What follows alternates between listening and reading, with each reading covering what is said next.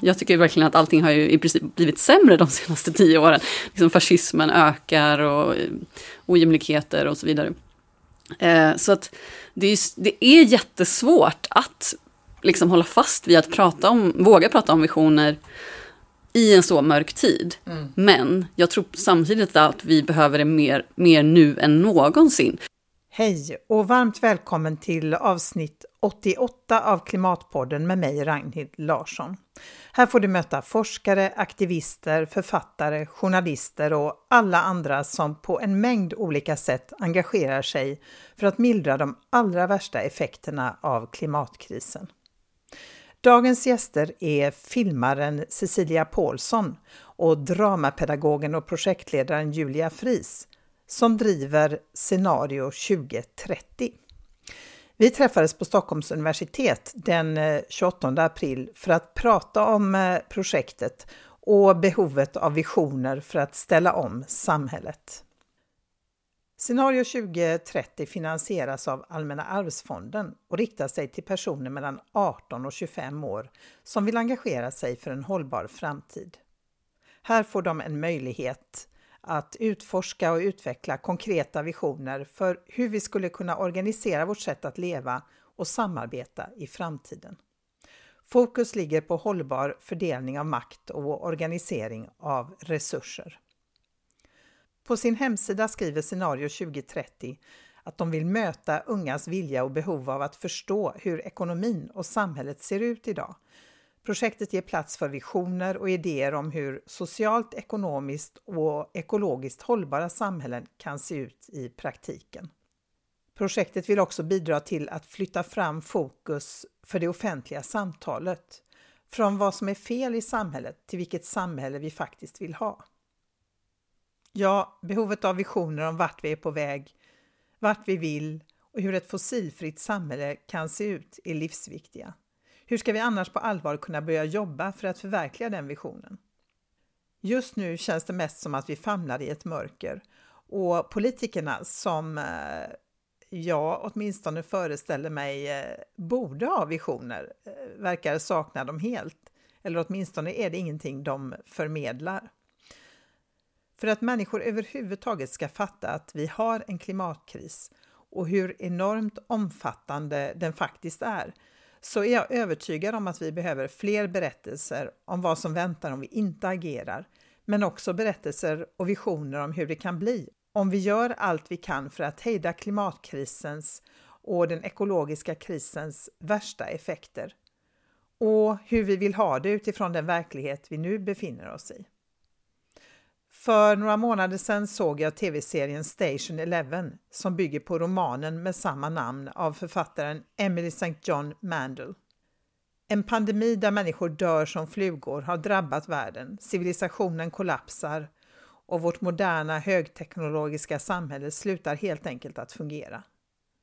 Station Eleven handlar om hur människor bearbetar och överlever en ofattbar händelse och om hur musiken, teatern och konsten skapar förutsättningar för människor att mötas och läka. Vad är det vi värdesätter? Vad skulle vi tänka på om vi visste att alla ska dö? Vad skriver vi i våra sista sms? Vilka tänker vi på? Vilka försöker vi att nå? Sen jag såg Station Eleven tänker jag allt oftare på hur vi tar all den bekvämlighet vi nu har för given som att öppna kranen för att få drickbart vatten, att vrida på värmen på elementet när det är kallt ute, att gå till min mataffär 500 meter bort och köpa den mat jag behöver. Eller att jag kan sätta mig vid datorn och redigera min podd och sen skicka ut den till er som lyssnar.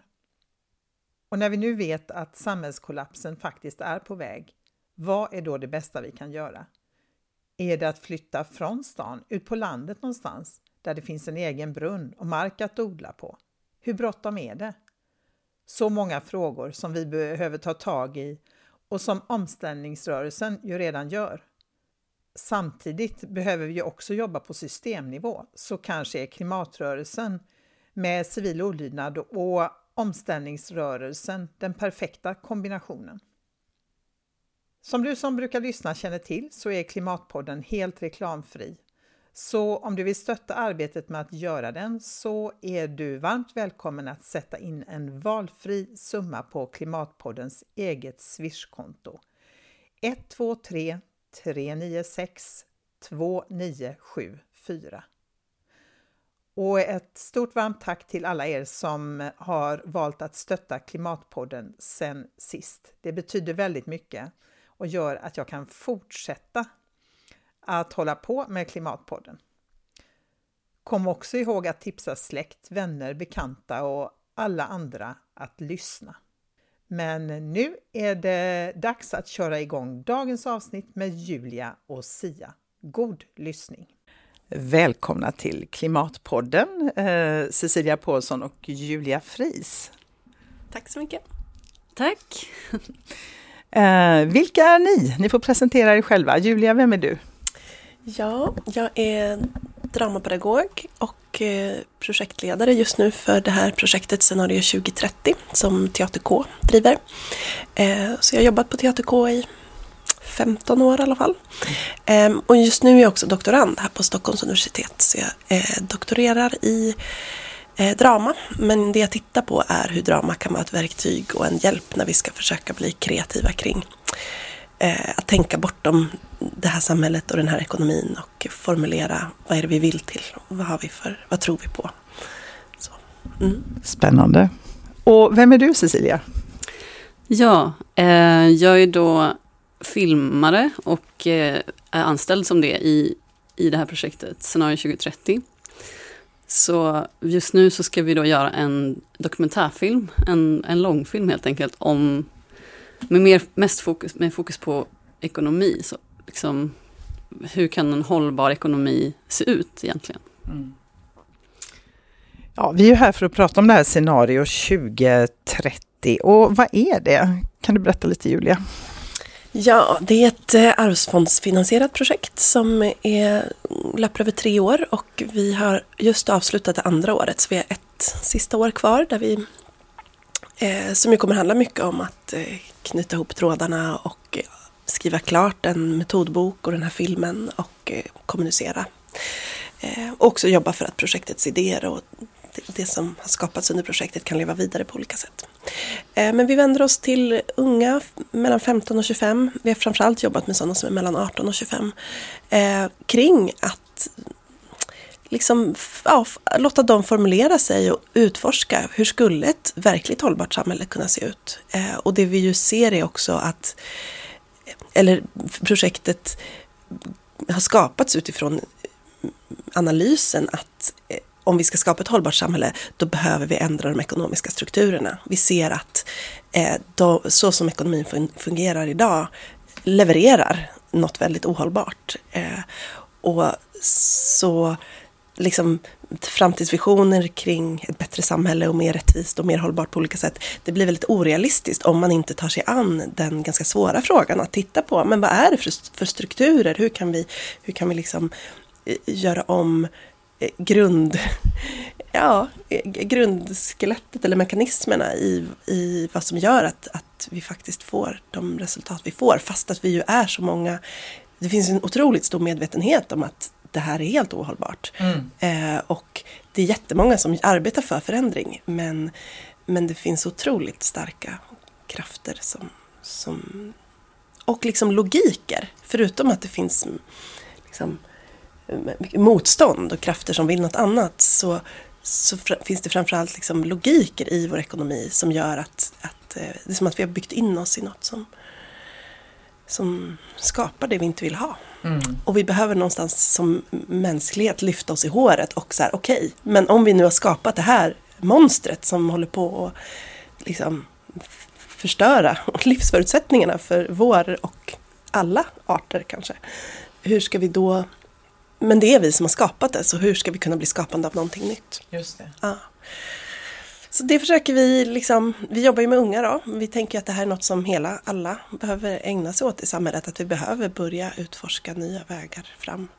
Eh, och vi gör det med just den här målgruppen. Mm. Mm.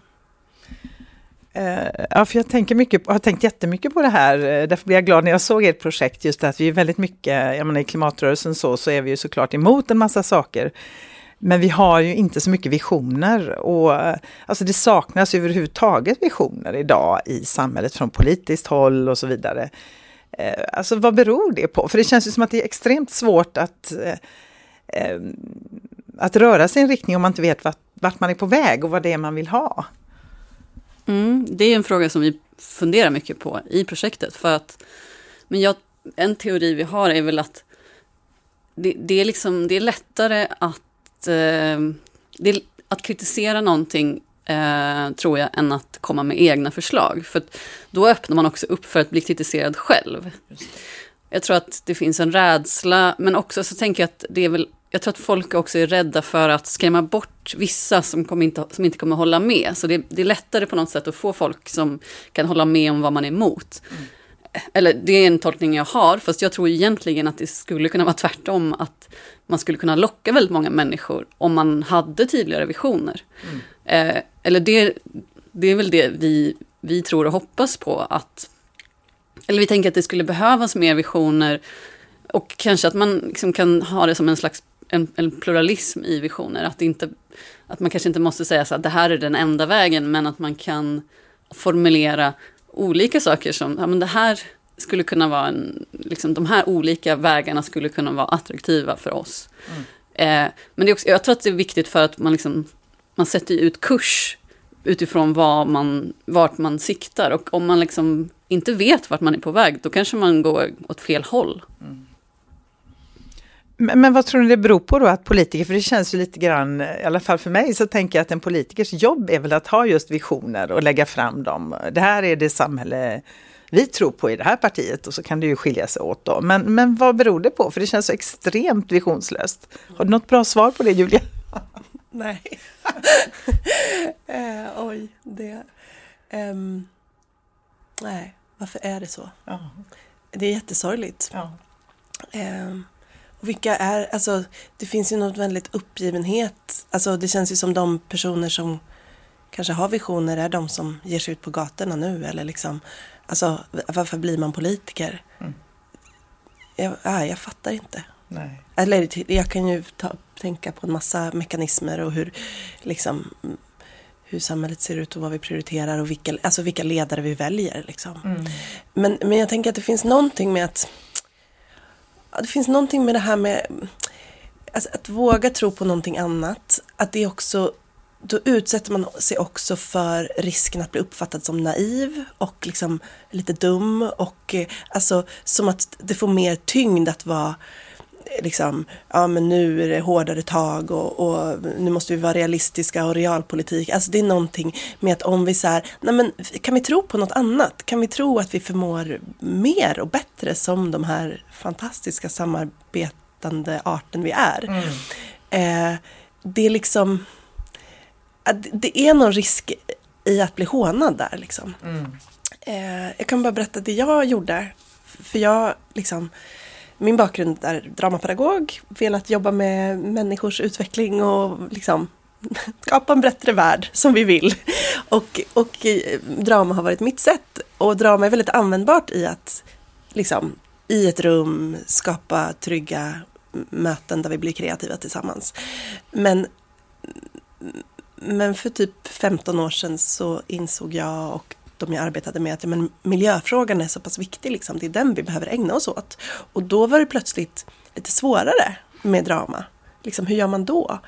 Det, det, är inte bara det här mellan, mellanmänskliga, det är också stora strukturer som inte rår på.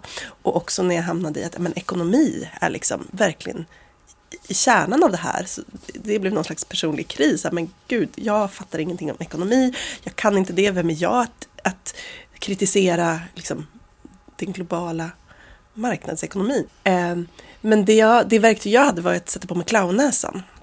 För det gav en slags frihet i att som clown så kan jag ställa de här inom citationstecken dumma frågorna. Ehm, jag kan säga liksom hur, men vänta, vi, vi prioriterar tillväxt framför vår arts överlevnad.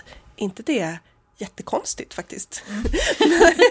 men, men liksom som Julia så vågar jag inte riktigt sticka ut, alltså inte på middagar med släkten eller i liksom sammanhang där man på något vis förväntas vara vuxen och rationell och ställa kloka frågor. Så de här, så här clownfrågorna som är helt rimliga och korrekta liksom. Det är så, att det är det vi gör nu. Det är det, det är liksom det är det som är det vansinniga.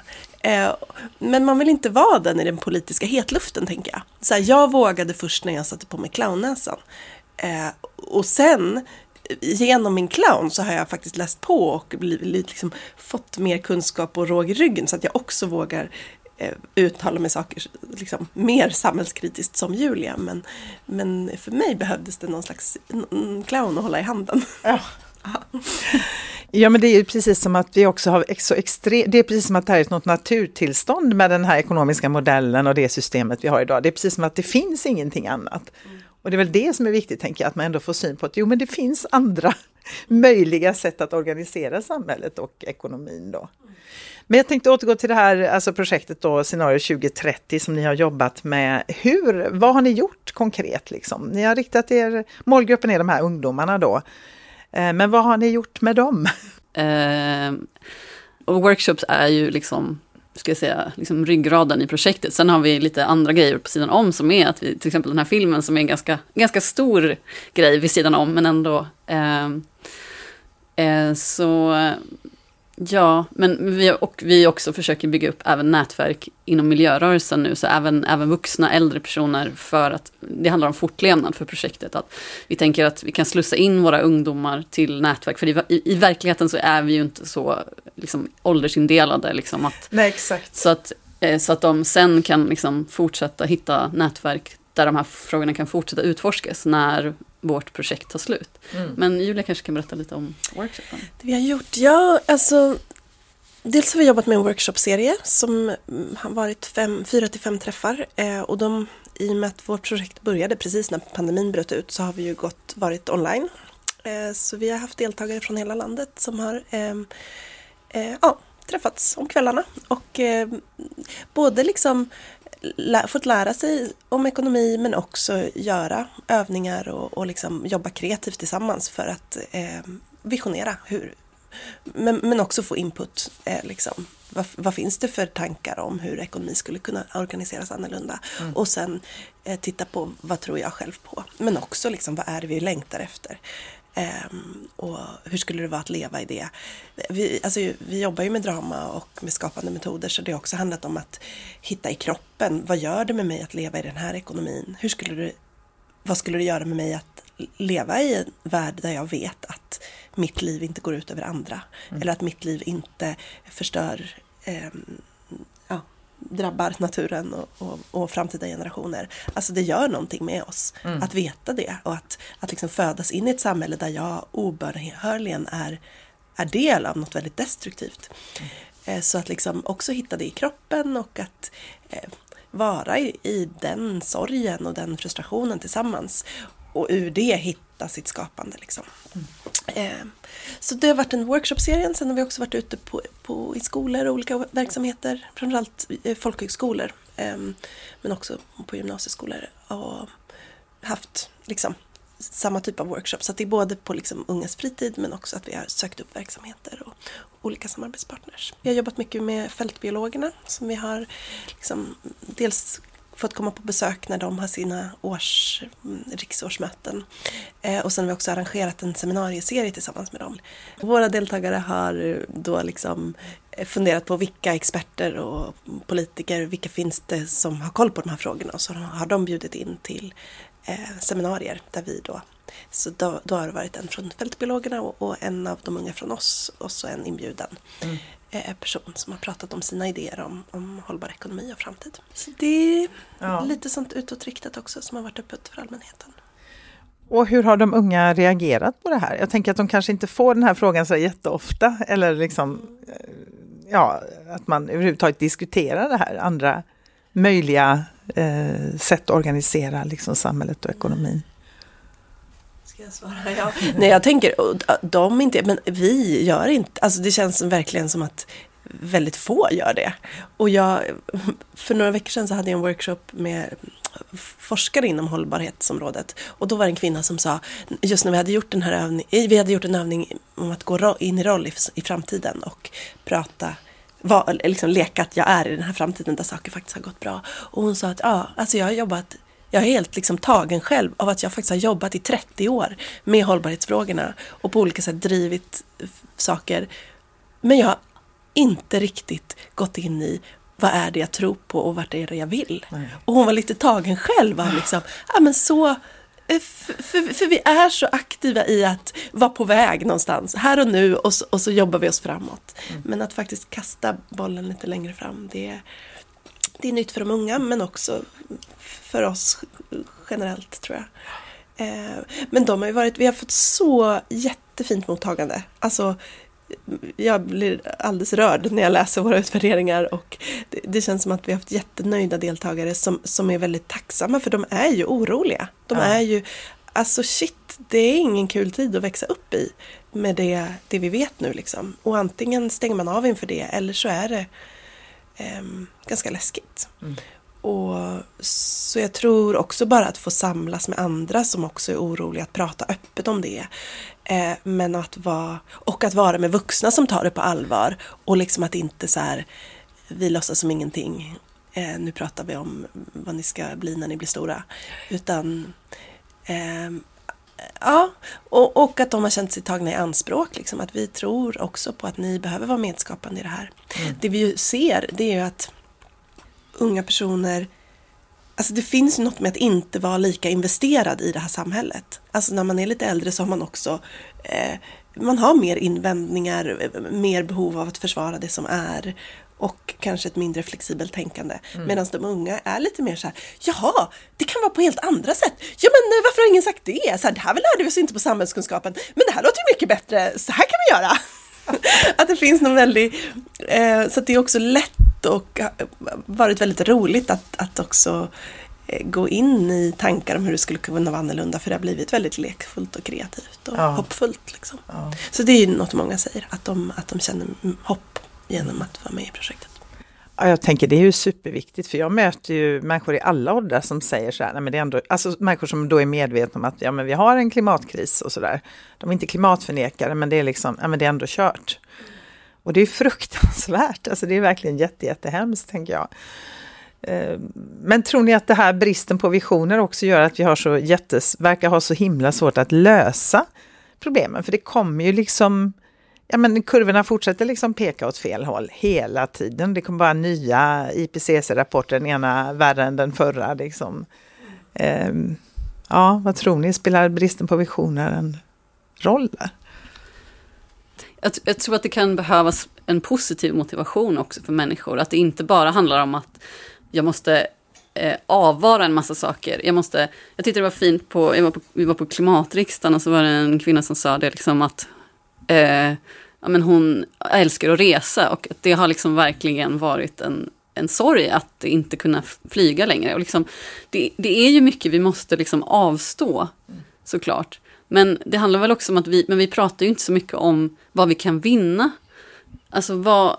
Eh, liksom vad, hur kan vi faktiskt må bättre i ett samhälle liksom, där vi är mer kanske engagerade i vår liksom, liksom lokala miljö. Vi har kanske mer liksom, nära kopplingar med människor, vi kanske har mer tid och så vidare. Alltså det finns ju... Eh, det finns ju absolut också positiva saker som skulle kunna komma ut av en, av en omställning. Men jag tror att... Eller jag tror att det är intressant för att jag själv har ju liksom jag började intressera mig för, för tankar om liksom visioner eller, och utopier för ungefär tio år, tio år sedan. Men jag kände någonstans att jag, jag själv stängde ner det för att jag kände det kändes så långt bort. Alltså det, det kändes naivt, precis som du säger Julia, liksom att så här, det här med att, eh, vad som är realistiskt eller inte. Att, eh, jag tror att jag blev, må, väldigt många liksom uttryckte det, ja men det där kommer ju aldrig bli verklighet och det är ingen idé, varför ska vi ens, alltså att du var, liksom, nej, vi måste hantera där vi är här och nu och, och liksom, och dessutom så tyckte jag, alltså, verkligen, eller jag, jag tycker verkligen att allting har ju i princip blivit sämre de senaste tio åren. Liksom fascismen ökar och eh, ojämlikheter och så vidare. Eh, så att det är, det är jättesvårt att liksom hålla fast vid att prata om, våga prata om visioner i en så mörk tid. Mm. Men jag tror samtidigt att vi behöver det mer, mer nu än någonsin. För att jag tänker liksom på att vi måste, man måste ha någonting för att orka fortsätta kämpa. Liksom. Och, och sen tänker jag också att det handlar om att Ja, det kanske är orealistiskt just nu. Men jag tänker också så här att i, i, stor, i tider av stora kriser Eh, så kan förändring ske mycket snabbare än vad man någonsin kan tro. Det är ofta till exempel vid en ekonomisk kris eller vid ett stort krig. Alltså, som pandemin har liksom öppnat upp till exempel hur, mycket, hur snabbt vi kan ställa om om vi väl verkligen bestämmer oss för det. Så tänker jag att risken är att om vi inte har pratat om visioner och vart vi vill så när vi väl står där och har möjligheten, då faller vi tillbaka på det vi hade förut istället. Då, då, faller vi tillbaka till diktatur eller fascism, för det är lättare. Det har vi provat. Vi vet hur det är med en diktatur. Mm. Men om vi inte, men istället, om vi istället har tränat upp, hur kan vi vara mer demokratiska? Hur kan vi ha en demokratisk ekonomi? Kan vi, kan vi ha en icke vinstdriven ekonomi? Om vi har tänkt, om vi har vågat tänka de tankarna Eh, och, och de idéerna har blivit spridda i samhället, då finns det ju en mycket större chans att vi faktiskt går i den riktningen istället för i en mer mörk riktning, när det väl liksom öppnar sig en möjlighet för en, en sån omställning. Mm. Ja, verkligen. Eh, jag tänkte på när du pratade Sia, det var, eller, och som jag slås av så ofta liksom, när jag jobbar med drama, också här på universitetet när jag undervisar studenter. Liksom, eh, eller när vi gör de här, liksom, vad vi längtar efter. Så här, att det finns ju, så man bara skrapar lite, lite på ytan med människor. Om man kommer tillsammans och sätter sig ner och andas liksom ihop och så här, här är vi. Så det vi längtar efter är kontakt och gemenskap och vi vill varandra väl. Liksom. Det, det är det jag ser när vi liksom men det är ofta som jag samlar grupper som inte känner varandra innan och så räcker det med att vi gör några övningar, enkla små grejer som, som syftar till att skapa kontakt liksom. Och, och då, vi vill gott och vi, längt, och vi har en stark, stor längtan efter någonting annat än det vi lever i just nu. Men vi hittar inte riktigt ut liksom. Och det, för det är strukturer som är större än oss själva liksom. Men, men den där längtan efter ja, efter mer gemenskap och att eh, göra gott för varandra. Eh, ja, den ser jag hela tiden. Mm. Den är så stark. Så det ja, känns hoppfullt ändå. Mm. Ja, för jag tänker att klimatkrisen har i alla fall fått mig att känna, liksom tänka, fundera över vad är viktigt på riktigt? Eh, och att faktiskt på sätt och vis då uppskatta det som är viktigt mer, alltså relationer, som ni säger, mänskliga kontakter, naturen. Alltså det är inte att shoppa jättemycket. Det är inte att resa jättelångt. Alltså det är trevligt att resa, men det är liksom inte det. Det är inte det som gör livet värt att leva. Alltså jag har befunnit mig på en strand i Malaysia och varit jätteolycklig. Så, att, så det handlar ju liksom inte riktigt om det. Vad, vad hoppas ni uppnå med det här projektet då? Med det här ni har jobbat med nu? Eh, jag kan säga vad jag tänker med filmen och det är ju att eh, så alltså det, vi kommer inte hinna gå in, i, in på djupet i någon ekonomisk modell specifikt. För, utan det vi kommer vill göra med den här filmen är istället att göra en översikt av fältet kan man säga, av liksom alternativ ekonomi idag.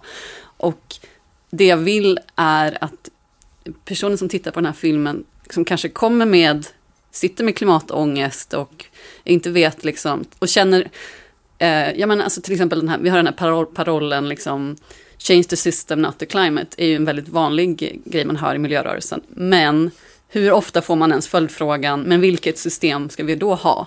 Det är liksom, det, den finns ju där outtalad liksom.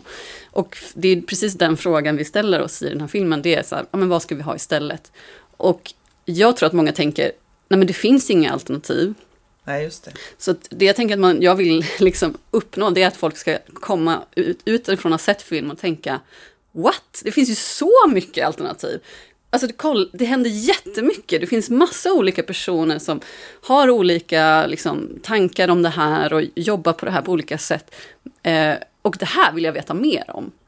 Eh, för, det, för det finns, all, ärligt talat, när man väl börjar liksom gräva lite i det här så finns det liksom en uppsjö av saker. Och man kanske måste nörda ner sig lite om man ska liksom hänga med i alla dem, för det är många, det är mycket akademiker, det är mycket liksom forskare som håller på med, med de här grejerna. Men, eh, så att, men jag det liksom vill att det är väcka nyfikenhet och känna så här, jaha, oj, det händer en massa saker här och jag kan vara med på det här tåget. Liksom. Jag, kan, jag kan engagera mig i, i att vi faktiskt liksom kommer vidare med de här tankarna och idéerna och kanske liksom, hur kan vi implementera det här i i verkligheten och så, och så vidare. Så jag tänker att det är mycket att liksom lyfta blicken och tänka, jaha, det går faktiskt att ändra på det. För det är precis som du sa Julia där i början, att liksom det ekonomiska systemet är skapat av människor. Ja. Alltså är det bara människor som kan ska, liksom ändra på det. Det är, ingen, det är liksom inte någon naturkraft. Det är inte, det är inte Gud liksom.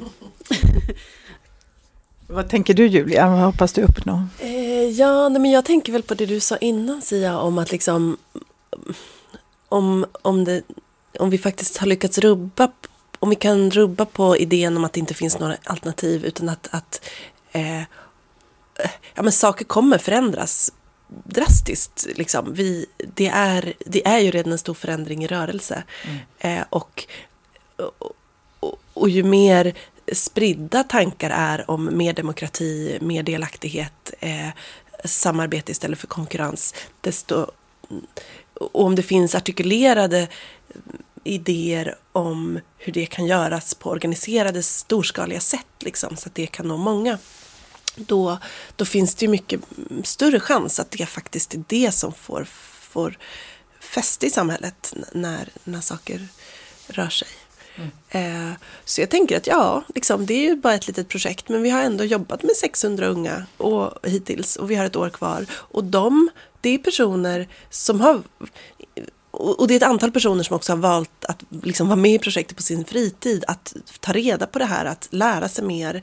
Eh, och vi hoppas ju att de också kommer fortsätta med det efter projektet och att de är personer som, som finns där ute i samhället och liksom, eh, ja, så på något vis, ja men så här, det är ju så här, det är folkbildning och förändring underifrån som är pytteliten. Men, men det är ja, fint ändå att göra något där man står. Mm. Mm.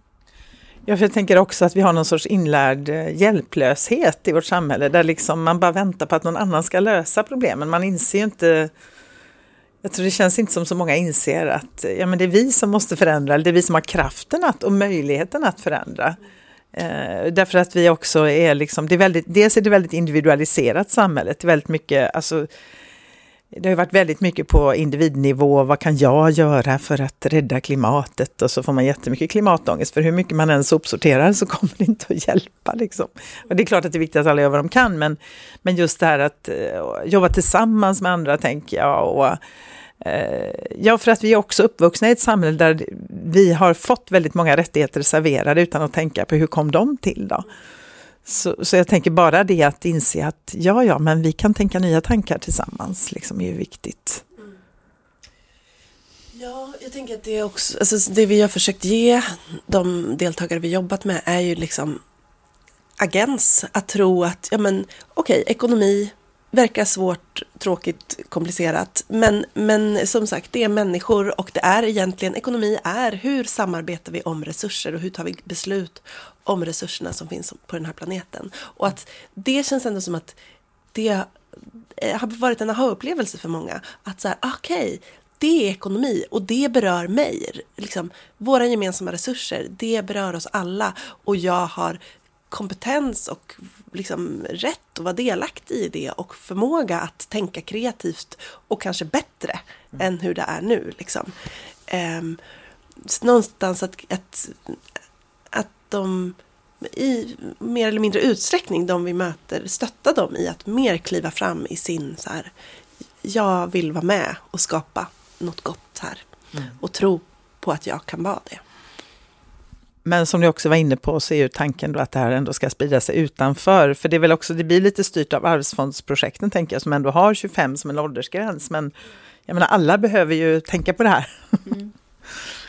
Ja men precis, och det är ju lite där både filmen kommer in men också det här jobbet nu med att starta någon slags liksom, visionsnätverk eller åtminstone eh, det, vi vet inte, för vi tänker också att det kommer bero lite grann på deltagarna. Alltså vi, har, vi kommer ha en, en workshop-helg nästa helg i Stockholm och eh, då är det liksom, liksom att det kommer komma folk från olika delar av miljörörelsen och vi får se lite grann vad detta leder vidare till. Men vi vill ju liksom fortsätta de här samtalen, så att, och inte bara miljörörelsen, utan vi tänker för att alltså, social rättviserörelserna hänger, det hänger ju ihop. Liksom. Det, är inte, det är inte en skild eh, fråga, utan eller liksom, hållbarhet så är det ju alla delar av hållbarhet egentligen. Men, eh, så vi vill ju liksom, och då är det ju alla åldrar. Mm. Eh, och sen exakt, vi vet inte exakt vad det kommer leda till, utan vi vill liksom ge möjligheterna för människor att träffas och bygga nätverk och eh, se hur de vill driva de här frågorna vidare, kanske i sina egna organisationer, eller att, det, att man startar något liksom öv, gränsöverskridande eh, nätverk som fortsätter jobba med det här. Eh, men eh, med filmen också så vill vi ju liksom, kommer vi fortsätta sprida filmen efter, för filmen kommer vara färdig, eh, eller måste vara färdig i, näst, liksom i mars nästa år. Så först ska vi försöka få ut den på filmfestivaler och eh, hoppas att den ska komma ut på SVT, men det får vi se. Och eh, liksom sen så småningom spridas gratis online så att, vi, så att, liksom, så att den kan få spridning i, och användas under många år. Mm. Um, som liksom inspiration. För att nej, det, det, är inte bara, det är inte bara för unga utan eh, de unga kommer ju ganska snart vara äldre också. Ja, just det. Och, eh, ja. Alltså det är också något problematiskt tycker jag, det här med att vi tänker att det är de unga som, vi ska sätta vår tillit till barnen och de unga liksom. Medan så här, det är också vi som är, är i positioner att påverka i samhället här och nu som behöver ta ansvar. Liksom. Ja, verkligen. Eh, och, och, det, och det är också för de unga, alltså de, de unga behöver se att de vuxna gör det. Liksom. Mm. Mm. Annars lämnar man ju dem verkligen i sticket. Så. Eh, men tycker ni att miljö, klimatrörelsen, eh, alltså gör, gör klimatrörelsen fel idag? Som i huvudsak är emot saker. alltså vad kan de lära sig av ett sånt här projekt? Vad kan mm. göra på ett annat sätt? Ja, alltså jag jag förstår ju att det är klurigt. Jag tänker att det beror liksom kanske på vilka delar av miljörörelsen man, man menar eller så. För jag förstår ju också det är ju eh, ofta ganska stora organisationer som kanske har dem, alltså, ganska långa, långsamma demokratiska processer för att ta fram en, en vision. Kanske, som jag sa innan, att det kan vara svårare att få, få folket skriva under på, på en vision eh, än det är att skriva under på saker man kan vara emot. Liksom, mm. Det är lätt att vara emot saker. Men jag tänker, det är därför jag tänker att det kanske kan vara nätverk, alltså just gränsöverskridande nätverk eller, eller, eller att man skapar nya nätverk där, där man utgår från visionen. Mm. Um, men för mig handlar det väldigt mycket om att bara sprida kunskap. För att jag tror att får vi, tillräckligt, får vi spridd kunskap om de modeller och idéer som finns kring andra sätt att organisera ekonomin så kommer vi också skapa en samhällsdebatt om detta. Eh, och då kanske plötsligt eh, någon, någon, om det plötsligt blir, om vi bara tar ett exempel, för cirkulär ekonomi till exempel har ju blivit liksom väldigt gängse att prata om. Mm. Men om vi säger att det finns andra då, till exempel jag är väldigt inspirerad av Jennifer Hintons modell Not for Profit Economy. Liksom, om vi börjar prata om hur skulle det kunna se ut att ha en icke vinstdriven ekonomi, om det blir tillräckligt mycket prat om det, då kanske miljörörelsen kommer, då kommer miljörörelsen hoppa på det tåget, tänker jag. Alltså, eller, alltså jag, jag tänker att... Eh, men jag, men jag, jag upplever att, det att när jag pratar om de här sakerna så blir folk jätteintresserade och tycker det låter jättespännande. Men de flesta har, har ingen koll, helt enkelt. Nej. Alltså, eh, eller liksom det, det är lite som Julia sa om, om, om deltagarna, att man, man tänker inte att ekonomi är någonting som man själv man kanske inte har så mycket kunskap om det och att man inte riktigt tänker att det är... Det är sådana liksom, strukturer som är... Alltså, och jag känner ju själv, jag sitter ju, när jag gör research och liksom håller på att försöka sätta mig in i vissa av de här frågorna, ibland måste jag, jag lyssna på någon podd, jag måste stänga av för jag hänger inte med. Jag tycker det är krångligt liksom. Mm.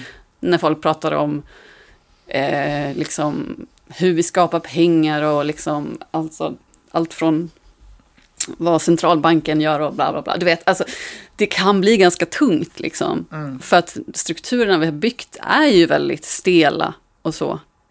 Eh, men jag tror, men jag känner någonstans att vi inte har något alternativ. Eller vi måste faktiskt ifrågasätta det här för att, för att den här, det ekonomiska systemet är det som håller på att leda oss rätt in i väggen. Mm.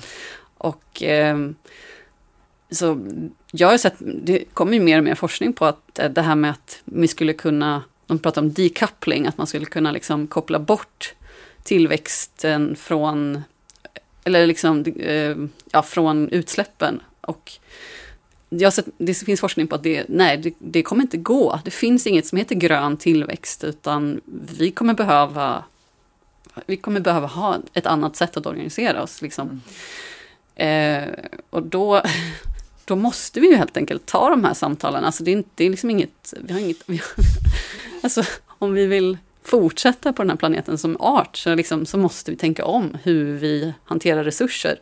Eh, och jag tänker att en jätteviktig del handlar ju om att till exempel som det är nu så eh, om man tar, pratar om resurser så tänker vi att idag är det ju bara köpare och säljare som har en eh, makt över en produkt att den ska skapas eller inte. Men de personerna som kanske bor bredvid en gruva där eh, de här mineralerna tas upp till exempel och kanske drabbas av ut, utsläpp och sånt. De har ingenting att säga till om. Och det handlar ju om liksom att det är en, det handlar ju om ekonomi och, de, och liksom handlar om demokrati i ekonomin. Liksom så här, vilka ska egentligen ha inflytande över ekonomiska beslut? Mm.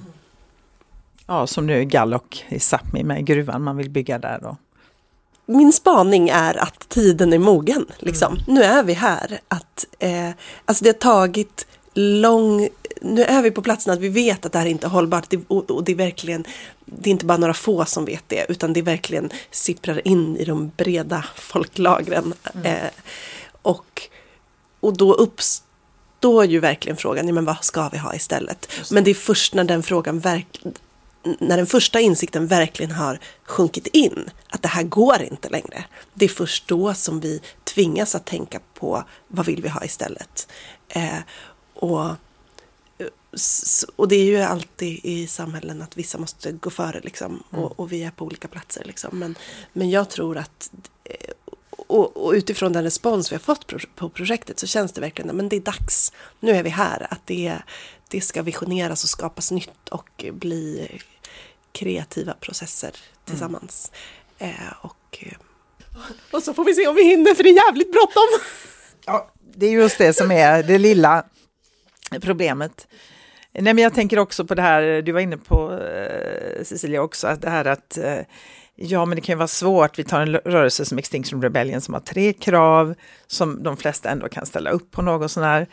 Eh, men jag kan ju inte ens föreställa mig om, om liksom XR skulle sätta sig nu ska vi göra en gemensam vision här. Alltså, men det kanske inte är det som är det viktiga, tänker jag, utan det viktiga är väl att visionsarbetet kommer igång, att, man, att det finns liksom, eh, ja, men massa olika idéer om vad ett annat samhälle skulle kunna, hur det skulle kunna organiseras, hur det skulle kunna se ut som är inom planetens gränser, eller ja, som inte skadar människor och, och miljö och sådär.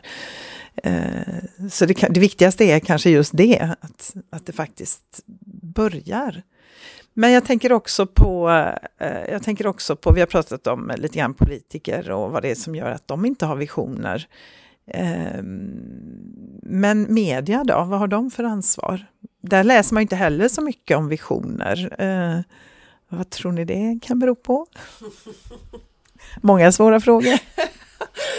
Ja, det ger väl inga klick. jag vet inte. Nej. Um.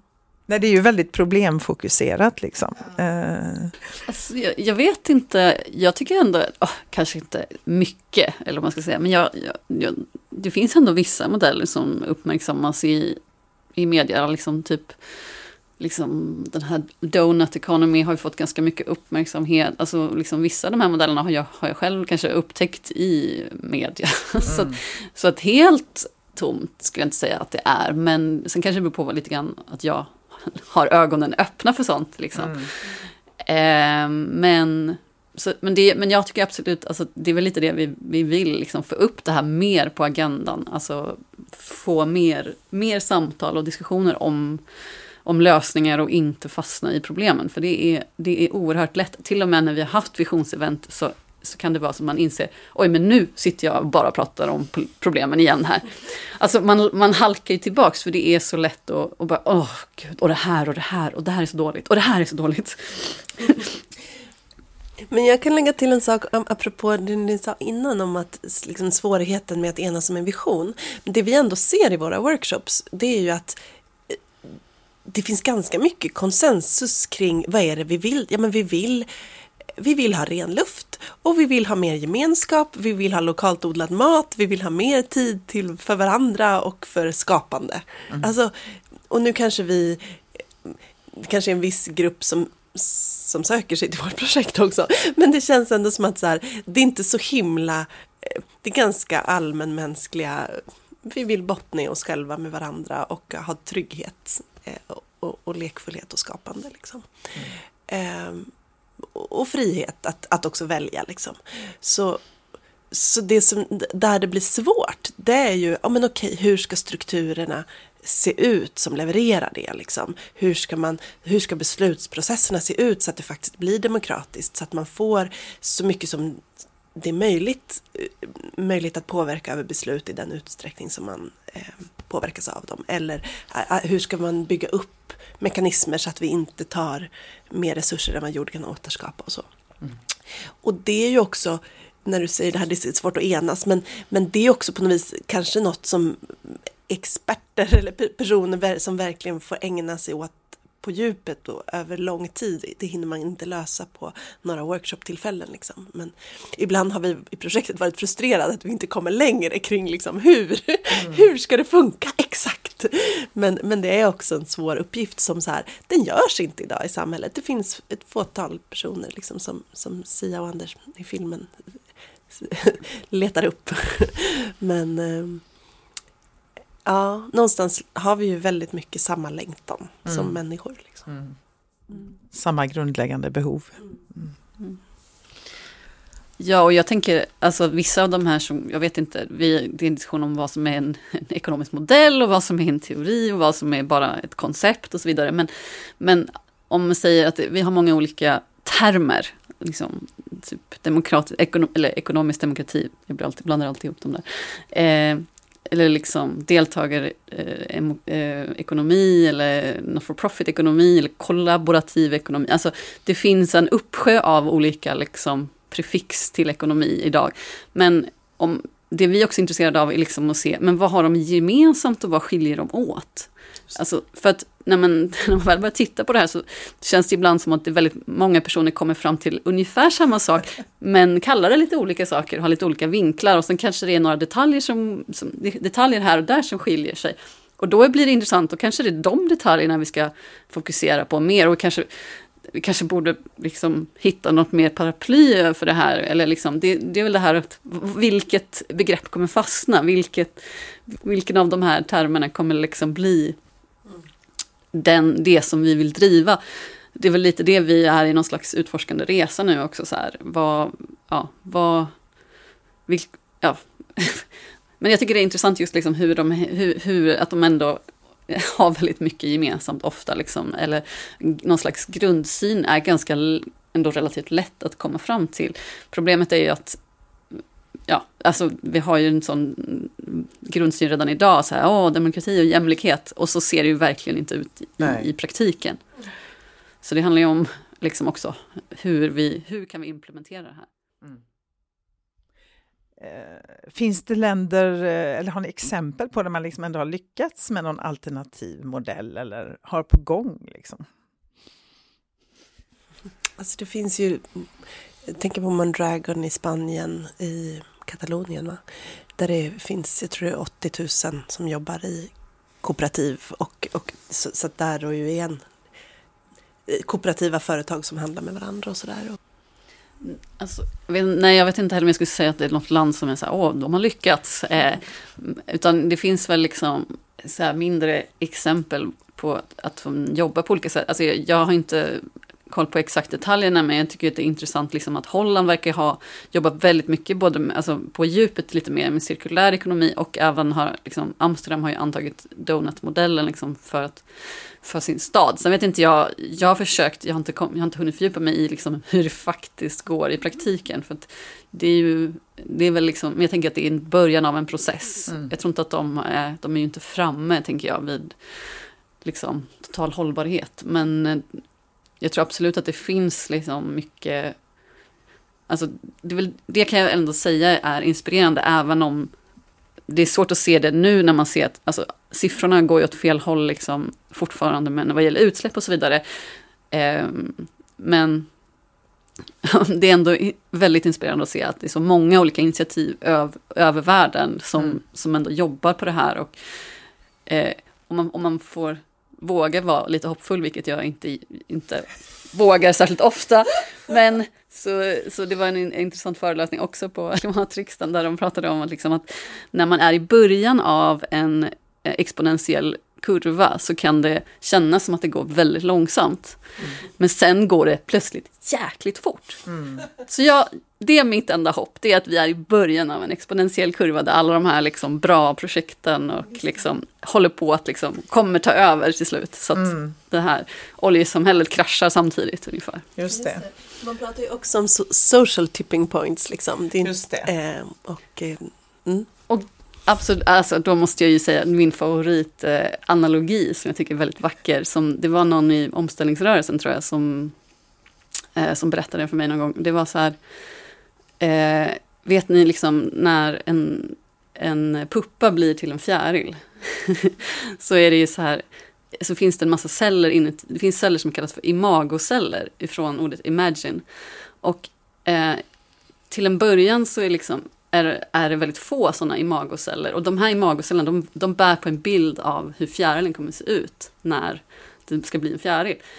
Och i början så är det som att eh, de får kämpa och typ, de blir till och med attackerade av de andra cellerna. Som att så här, nej, nej, vi ska, vad, är, vad är det där för skit? Vi ska inte bli någon jävla fjäril, vi är en puppa liksom. Och sen, men sen blir de fler och fler och fler och så blir det den här social tipping pointen där plötsligt så är alla celler i magoceller och det är då som det blir en fjäril. Ja. Och man kan ju se så på samhället, att vi är de här små imagocellerna som, som kämpar för att försöka bli fler. Ja, det är en vacker bild verkligen. Eh, jag tänkte bara Donut Economy pratar du om. Eh, kan du lite snabbt och enkelt förklara vad är det för något? Ja, precis. Eh, men det handlar ju, eller Kate Rower som tar fram modellen, vi ska faktiskt intervjua henne eh, om några veckor till filmen. Hon eh, Ehm, har väl, hon utgick egentligen från eh, de planetära gränserna som bland annat Johan, Johan Rockström tog fram. Nio planetära gränser. Och i princip så, så tittade hon på den här cirkeln med, liksom, där eh, man också ser att vi, och vi överskrider vissa av de här gränserna. Så ritade hon en inre cirkel som helt enkelt är, liksom, vad ska jag säga, botten av liksom där för vad människor krä- behöver för att, liksom, för att må bra mm. på olika sätt. Så att då blev det helt enkelt en munk, eller en donut. um, och uh, ja, helt enkelt att det är mänsklighetens gränser för liksom jämlikhet, demokrati, matförsörjning, vattenförsörjning och så vidare. Saker som vi behöver för att, för att överleva och uh, ja. Och helt enkelt så borde vi, vi borde befinna oss då inom de här, eh, inom de här kanterna, liksom, jordens gränser och mänsklighetens gränser. Mm. Eh, det är lättare med lite visuell hjälp ja, känner jag. Men, eh, Vi får lägga upp en bild. Men då får de här gränserna styra helt enkelt. Ja, ja precis. Hennes bok heter ju Seven, eller en av hennes böcker heter Seven Ways to Think Like a 21st Century Economist. Mm. Så att det är ju, hon beskriver ju också principer för, okej, okay, om vi ska skapa en ekonomi som håller sig inom, innanför de här gränserna. Eh, hur ska vi tänka då? Ja, men då måste vi tänka cirkulärt, vi måste distribuera makt och resurser. Vi måste, eh, ja. Så, så att hon, det är liksom egentligen inte en hur det ska fungera, men när vi ska skapa den här hållbara ekonomin, då behöver vi tänka utifrån de här principerna. Vi måste bygga in de här logikerna i ekonomin. Mm. Vad är det som driver er att hålla på med det här? Ja, um, jag tycker det är lite komiskt för att eh, när jag var, när jag var liksom väldigt ung, så, ja, men typ tonåring, så tänkte jag liksom, så var jag, jag har alltid varit väldigt mångintresserad, men jag var inte intresserad av varken miljö eller ekonomi. jag tänkte så här, men miljö, man, måste, man kan inte vara intresserad av allt, tänkte jag. Så här. Alltså jag orkar inte tänka på de där frågorna, typ så. Och ekonomi tyckte jag också var så tråkigt, så jag tänkte, nej, men det, det orkar inte jag tänka på. Så då var jag faktiskt, då var jag faktiskt med i Folkpartiet. Ja. Liberala ungdomsförbundet. För jag, för jag var liksom intresserad av så här jämställdhet och integration och skolfrågor. Och så liksom, då, då kändes det liksom lätt och lalala. Men sen så när jag började inse liksom Alltså jag, jag blev helt, eh, när jag blev liksom började få ett större perspektiv på världen så insåg jag någonstans att vänta, jag kan inte inte bry mig om miljö och jag kan inte inte bry mig om ekonomi. Och nu är jag där, precis där jag inte var intresserad av. För att jag tycker, för att jag helt enkelt inser att alltså det är det absolut viktigaste. Mm. Eh, det, det är liksom, ja, så att jag är väldigt glad att jag har kommit tillbaka till de här frågorna, för det är väl egentligen det som, det som driver mig mest av allt egentligen. Det är liksom, eller jag kan ju liksom önska att ibland att, att jag kan ju önska att världen var, redan var bra, för då hade jag kanske ägnat min tid åt något helt annat. Liksom, för jag, som mm. sagt, jag är väldigt mångintresserad. Men jag känner att det finns liksom inget som är mer meningsfullt än att jobba med de här frågorna. Mm. Ja, vad driver mig? Åh, oh, svårt. Um, men det är nog ändå någonting med kreativitet och människors skapande. Liksom. Att, att, um, alltså jag kan ju säga, alltså, rädda, man vill ju rädda världen. men, men vad som ger mig liksom lust i stunden är ju att, att eh, när vi kan bli skapande tillsammans och liksom flytta fram gränserna för vad vi tror är möjligt och eh, eh vad, vad är lekfullhet och kontakt. Liksom. Mm. Eh, och det känns, just nu är jag ju väldigt upptagen av mitt eh, avhandlingsarbete. Det, det är liksom i det mina tankeprocesser går väldigt mycket. Och som, där jag försöker också så här, ta hjälp av teorier kring hur, hur kan vi bryta oss fria. och eh, tänka nytt och skapa nytt. Liksom. Mm. mm.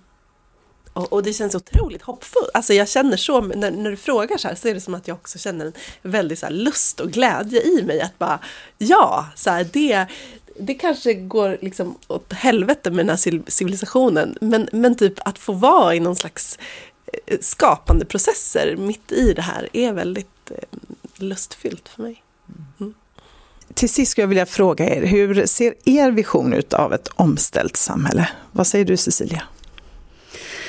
Um, ja, det, det, kan man ju tycka att jag borde ha ett så här tänkt ut svar. Men för att, men för att jag för att liksom håller på och laborerar med de här frågorna så mycket så är jag liksom mer öppen för många olika, liksom fortfarande känner jag mig, jag håller mig ganska så eh, de här generella grejerna är ganska lätt att liksom skriva under på att så här, ja, man, vill ha, man vill ha mer tid och man vill ha um, Alltså jag vill ju se ett samhälle där vi släpper lös män, människors kreativitet. För där tänker jag att det är ett jättestort problem. Att vi, har, liksom, att vi är fast i lönearbeten där vi skapar saker som inte, för att skapa saker som vi inte behöver och så vidare. Och där tänker jag att, liksom att om, vi, om vi blir av med allt det här onödiga arbetandet så skulle vi ju kunna liksom ha ett mycket jättespännande samhälle mm. där folk eh, Alltså, tänk, den, tänk all konst, tänk all forskning, tänk liksom vad vi skulle kunna åstadkomma om all den, den tiden och kreativiteten frigjordes. Så det är ju,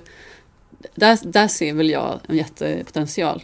Eh, och sen beror det på för mig liksom, om vi tänker på en, på en kort, kortare sikt eller en lång sikt. Eh, för, jag, för jag tänker att man kan med, på lång sikt kan man, ser jag inga, inga gränser egentligen. Då kan, då kan jag verkligen drömma jättefritt liksom. Men på en kort sikt så känner jag att det handlar om att överleva som art. Mm.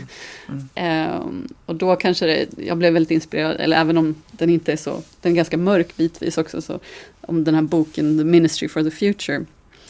Just för att de någon, de har skrivit om det som en utopi, men jag tycker absolut inte att det är en utopi, i alla fall inte i bemärkelsen att det är, liksom, det är inte en perfekt värld på något sätt, utan, men den är, mer, den är väldigt verklighetsnära, så det känns som att det är en verklighet som är så komplex och svår och hemsk som den är.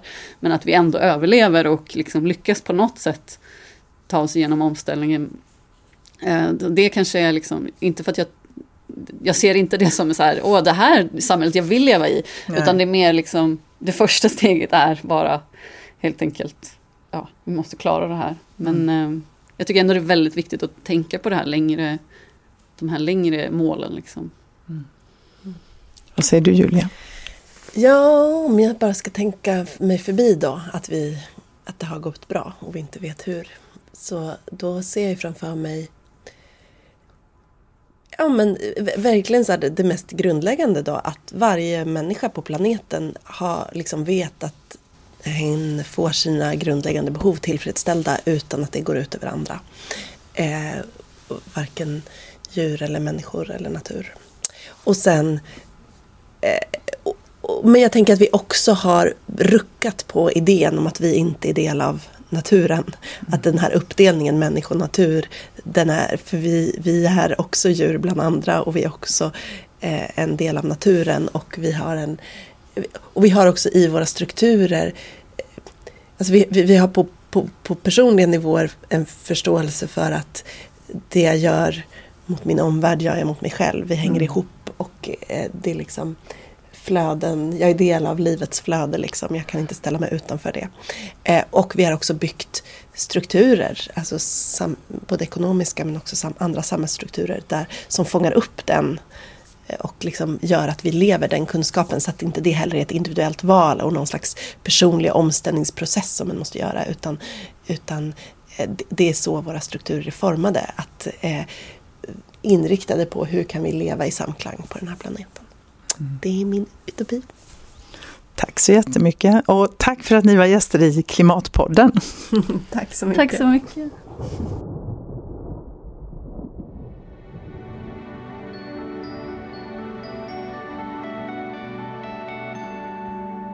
Du har lyssnat på Klimatpodden som produceras av Konvoj Produktion. Gäst i dagens avsnitt var Cecilia Paulsson och Julia Fris. Du hittar mer information om Klimatpodden och dagens avsnitt på hemsidan klimatpodden.se. Klimatpodden finns på alla ställen där poddar finns och du kan följa podden på Twitter och Facebook. Signaturmelodin är skapad av Tommy Kaså och loggan till Klimatpodden är gjord av Hannes Larsson. Om du vill stötta arbetet med podden är du välkommen att swisha valfri summa till 123 396 2974.